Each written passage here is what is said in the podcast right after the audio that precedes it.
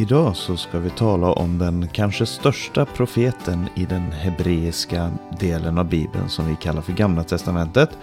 Och det är Jesaja, profeten Jesaja. Och att förstå profeten Jesajas budskap är väldigt, väldigt viktigt för att förstå Jesu och apostlarnas lära. Och därför så ska vi idag ge några nycklar till profeten Jesaja. Och vi börjar nu. Jag heter Paulus Eliasson och du lyssnar på Radio Maranata.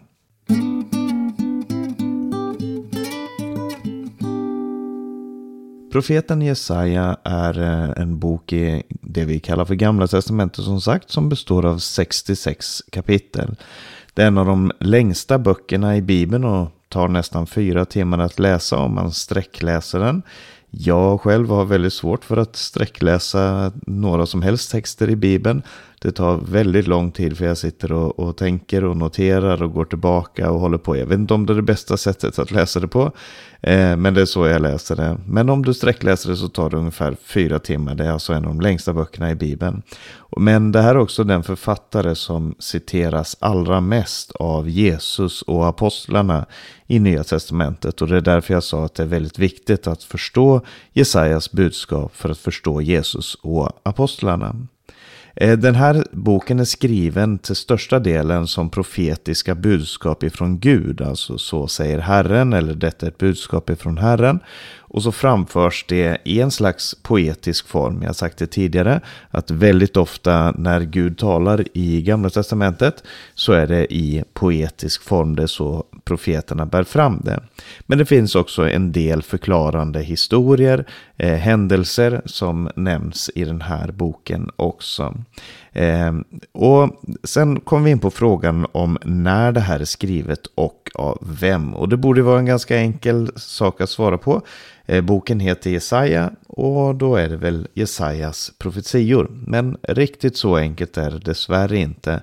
Den klassiska synen eh, är ju att eh, hela Jesaja är skrivet av profeten Jesaja som levde under tiden för fyra olika kungar som man kan läsa om i första kapitlets första vers.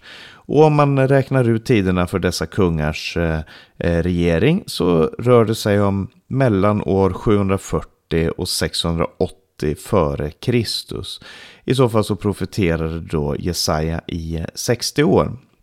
Men sen är saken den att Eh, Eh, profeten Jesaja är väldigt tydligt delad in i två delar. Oavsett hur man vrider och vänder på det. Det är helt klart att du har en del som är kapitel 1-39 och så har du en helt annan del som är kapitel 40-66. Du kan dela in de här sen i, i underdivisioner eh, för att säga det så. Men eh, stilen i de här två delarna är inte helt annorlunda, men ganska annorlunda. Och eh, det kan ju vara för att Jesaja valde att skriva eh, på ett annorlunda sätt. Han, levde i, han profeterade enligt första kapitlet i 60 år. Man kan förändra sig ganska mycket. Man kan välja att berätta saker och ting på ett annat sätt. Eh, men det som har uppstått som en teori sedan 1800-talet, 1700-1800-talet är att det finns flera författare till Jesaja. Och framförallt då att eh, det finns en, en annan författare till den andra delen där. Så den vanliga teorin idag är att Jesaja, han som nämns som Jesaja, skrev kapitel 1-39 och att någon av hans lärjungar efter fångenskapen i Babylon på 500-talet före Kristus har skrivit resten. Och det här beror på att den här delen har en ganska annan stil och att den utgår ifrån att folket är tillbaka till Israel efter fångenskapen. Vi ska komma tillbaka till det. Men man talar ofta då om Deutero Jesaja och, och kanske också en Trito Jesaja, alltså en andra Jesaja och en tredje Jesaja. Eh, så det här är den moderna teorin och det de många eh, moderna bibelforskare håller sig till den. Men det finns också många bibelforskare som försvarar eh, Jesajas enhet. Eh, det kan vara så att Jesaja hade en profetisk vision och talade till det folket som han såg skulle vända tillbaka till Israel. För det är helt klart att Jesaja såg framåt och att han såg att Israel skulle bli fångade av Babylon och tas bort i fångenskap. Och då är det naturligt att tänka sig att han också skulle se att folket skulle komma tillbaka. Eh, hur var då Israel på den här tiden? Vad, vilken situation var det Jesaja talade till? Man kan säga att eh, när Jesaja började predika så hade Israel fred. Och det hade man ända till eh, den assyriska kungen Tiglat-Pileser den tredje blev kung i det assyriska riket runt år 745 f.Kr. Alltså några år efter att Jesaja hade börjat profetera. Och han, eh, den här Tiglat-Pileser, han började utvidga sitt rike genom krig. Det är alltså det assyriska riket. Och eh, vi ska se på det närmare, men judarike stod emot det assyriska riket, bland annat med hjälp ifrån profeten Jesaja. Men så kom det ett nytt rike, nämligen Babylon, som var Assyriens arvtagare. Eh, och till att börja med så hade Israel goda relationer med Babylon, men de la också grunden för en kommande invasion. Eh, så det här är kontexten. Man, man har alltså eh, Israel som, eh, som land som, som eh, på ett sätt lever gudfruktigt eh, men på ett annat sätt ofta vänder sig bort ifrån Gud. Och på den andra sidan så har du då de externa problemen som dels är Assyrien och dels är Babylon. Och det här talar då eh, profeten Jesaja mycket om. Och hans eh, bok den handlar mycket om dom och om hopp. Eh, Guds folk som ska renas genom eld därför att Gud är rättfärdig och han vill ha ett rättfärdigt folk. Och han ska låta det här folket som då har vänt sig bort ifrån honom renas. Och på andra sidan av den här reningen så ska det träda fram ett nytt Jerusalem med en ny fredsfurste som ska regera. Nu ska vi gå in på själva texten.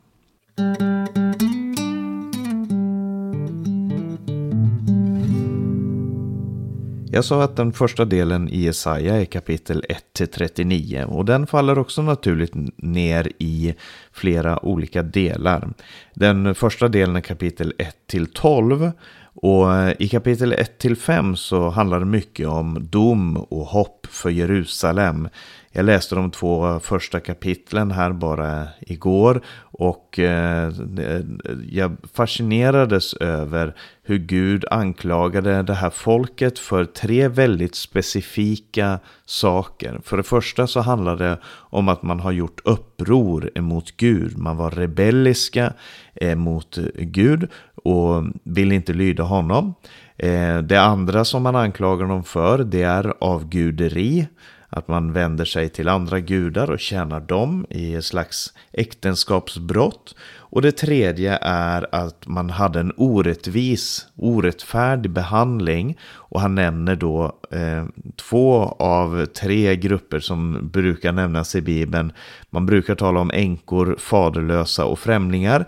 I, Jesaja, I början av Jesaja så är det framförallt änkor och faderlösa som det talas om. Och eh, på grund av det här, på grund av det här upproret av guderiet och orättfärdigheten inom rättsväsendet så säger Gud att han ska sända en renande eld över det här folket och ur den här renande elden så ska ett nytt Jerusalem träda fram. Eh, när man sen kommer till kapitel 6, det är kanske ett av de mest speciella kapitlen i Jesaja. Det säger jag med lite förbehåll, för det är väldigt mycket speciell text i Jesaja, kanske framförallt i den andra delen. Men i kapitel 6 så har Jesaja en vision av Guds tempel. Han får, det står att i det år då kung Ussia dog så såg jag Herren sitta på en hög och upphöjd tron och släpet ifrån hans mantel uppfyllde hela templet och så vidare. Och han, han, får en, han får se in i själva himmelen.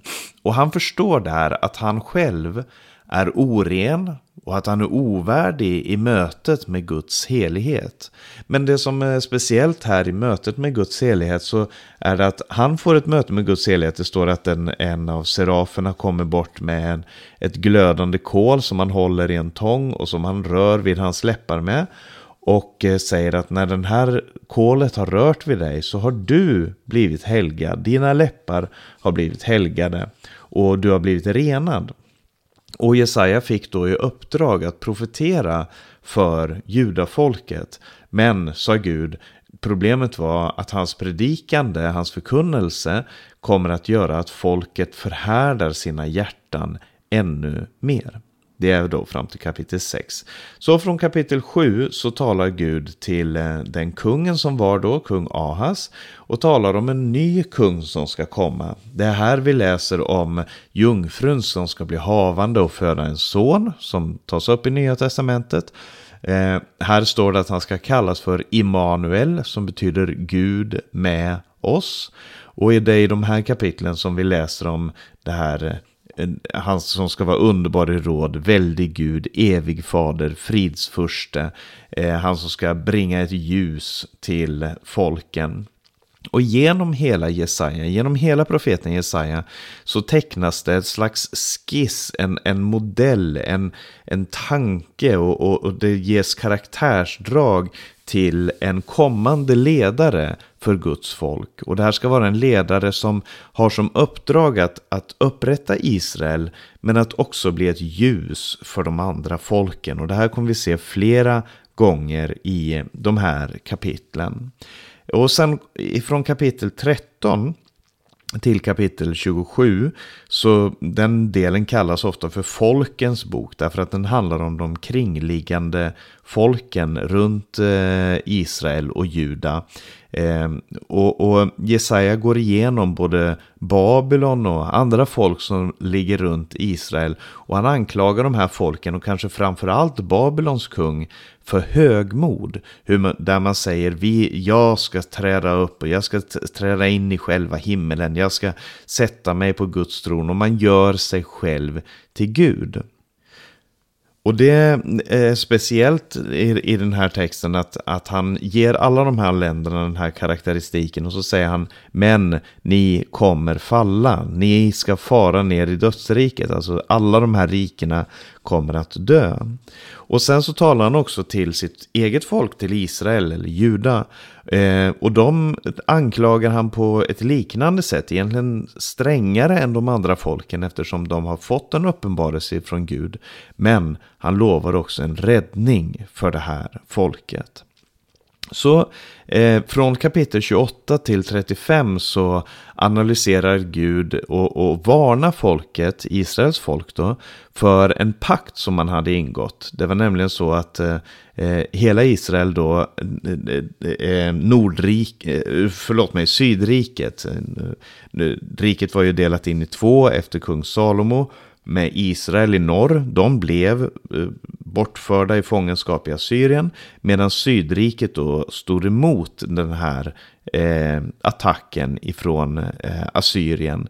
Men eh, när Babylon då tog över makten efter Assyrien, då blev eh, Israels kungar så bekymrade att de ingick en pakt med Egypten för att försvara sig mot Babylon. Och det här reagerar Gud och profeten på väldigt starkt. I Jesaja kapitel 30 så står det så här.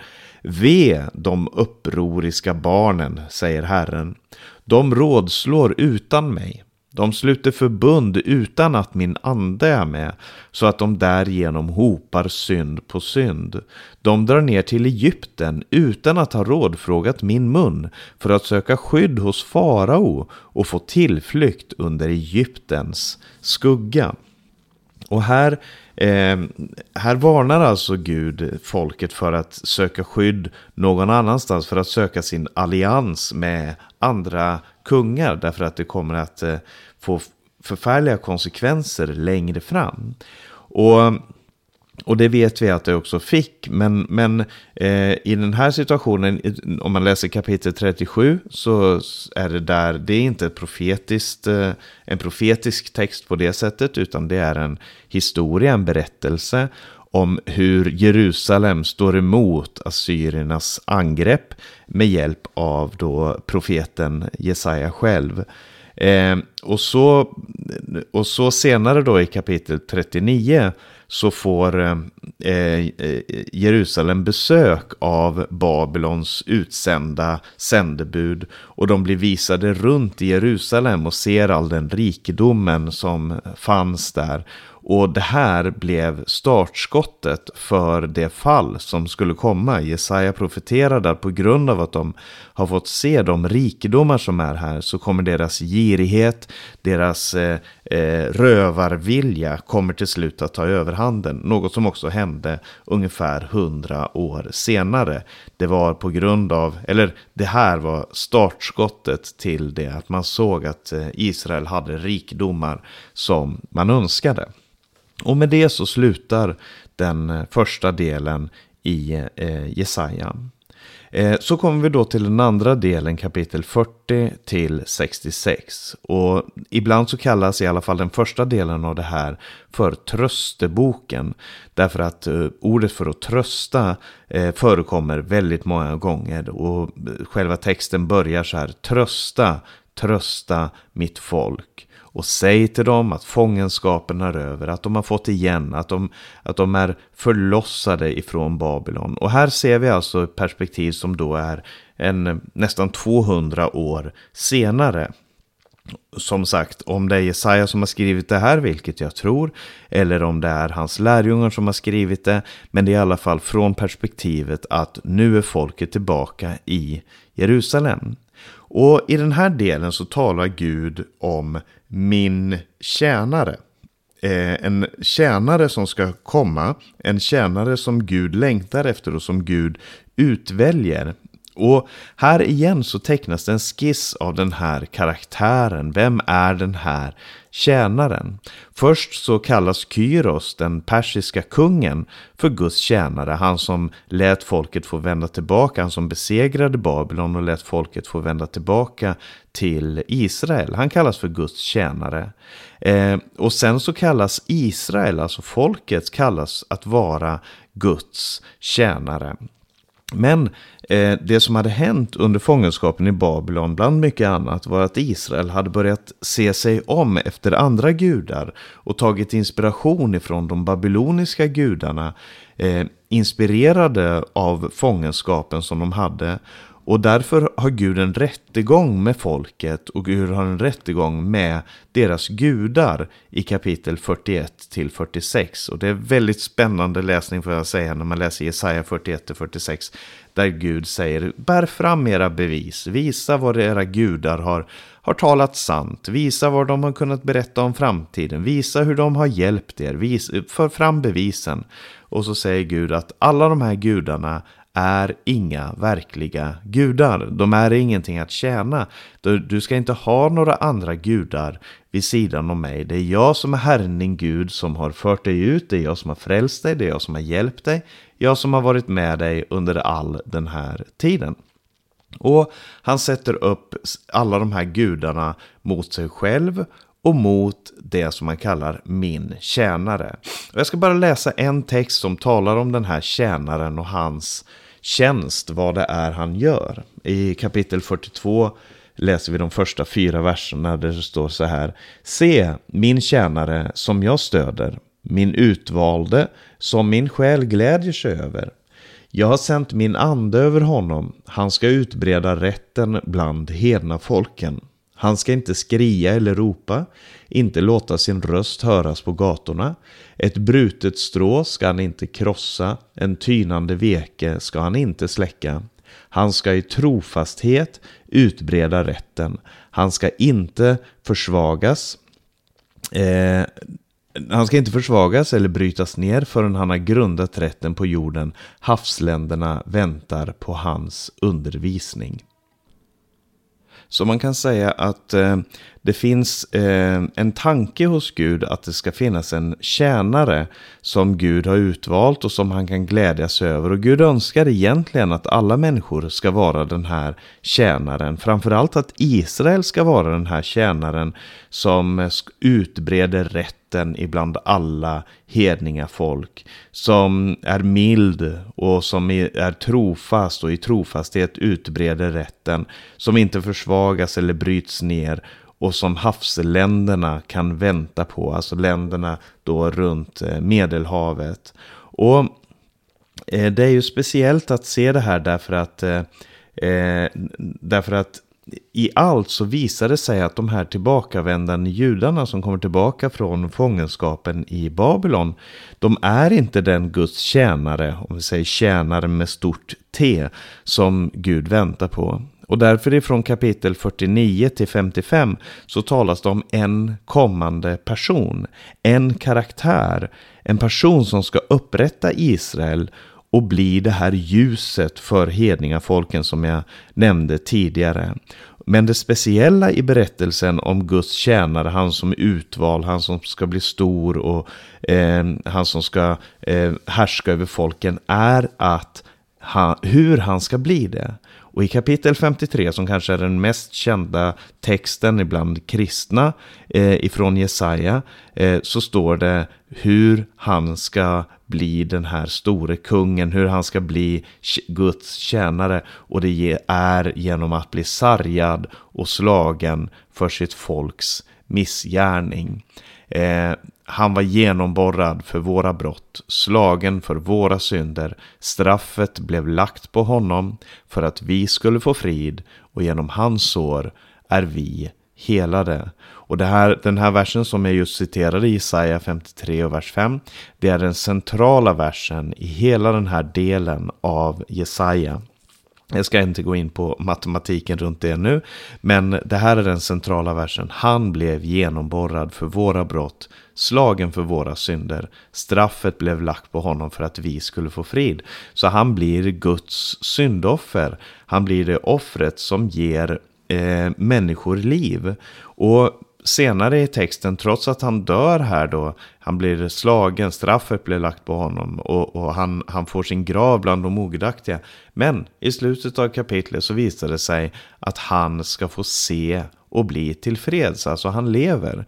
Eh, och som kristna så ser vi det här som en av de starkaste texterna som vittnar om Jesus Kristus, som vittnar om hans karaktär, som vittnar om vad han gjorde, hans uppdrag, varför han gjorde det han gjorde, vad, vad som var tanken med det. Och Eh, eh, sen i, från kapitel 54 och fram till 66 så berättas det mer, inte bara om den här tjänaren, men framförallt om de som kommer till den här tjänaren.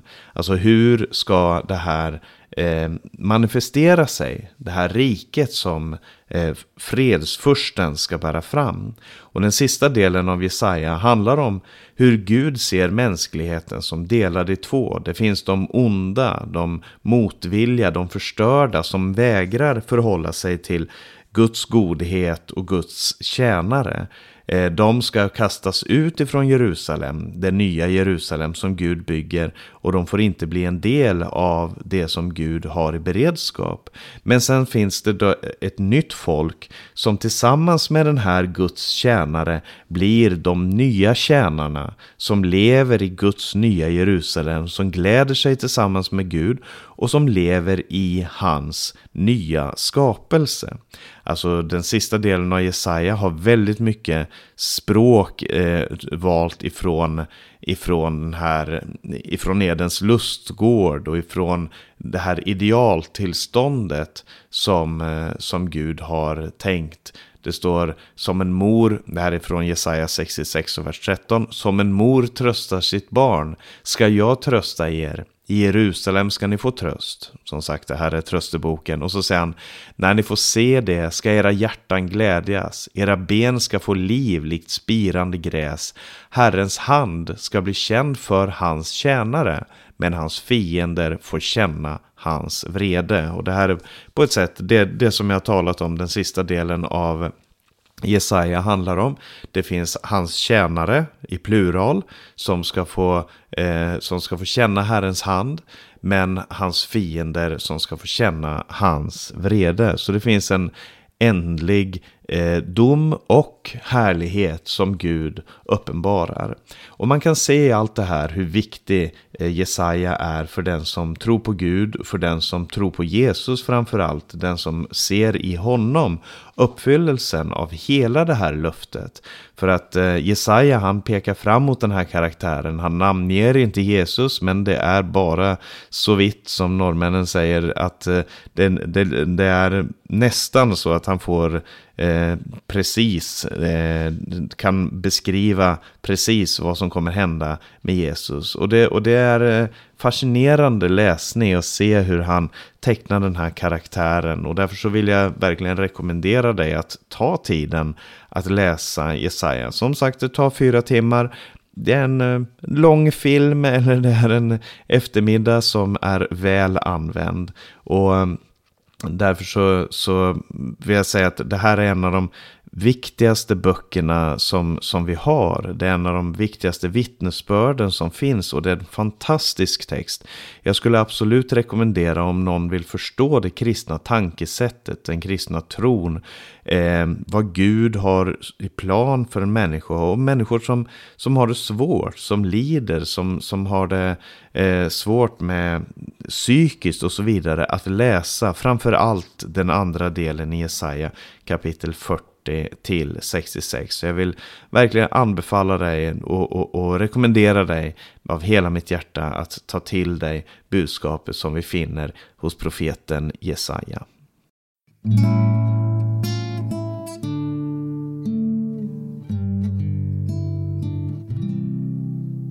Vi ska alldeles strax lyssna på sången Han var sargad för våra överträdelsers skull.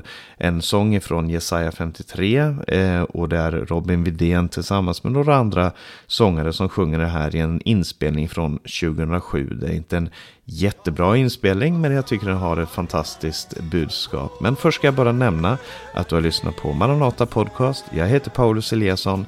Det här programmet har också sänts över Stockholm och Örebro närradio. Var gärna med och sprid de här programmen till andra också om du finner dem intressanta. Du kan komma i kontakt med oss genom att skicka en e-post till info.maranata.se eller ring 070-201 60 20. Sprid Guds välsignelse till alla du möter och på återhörande.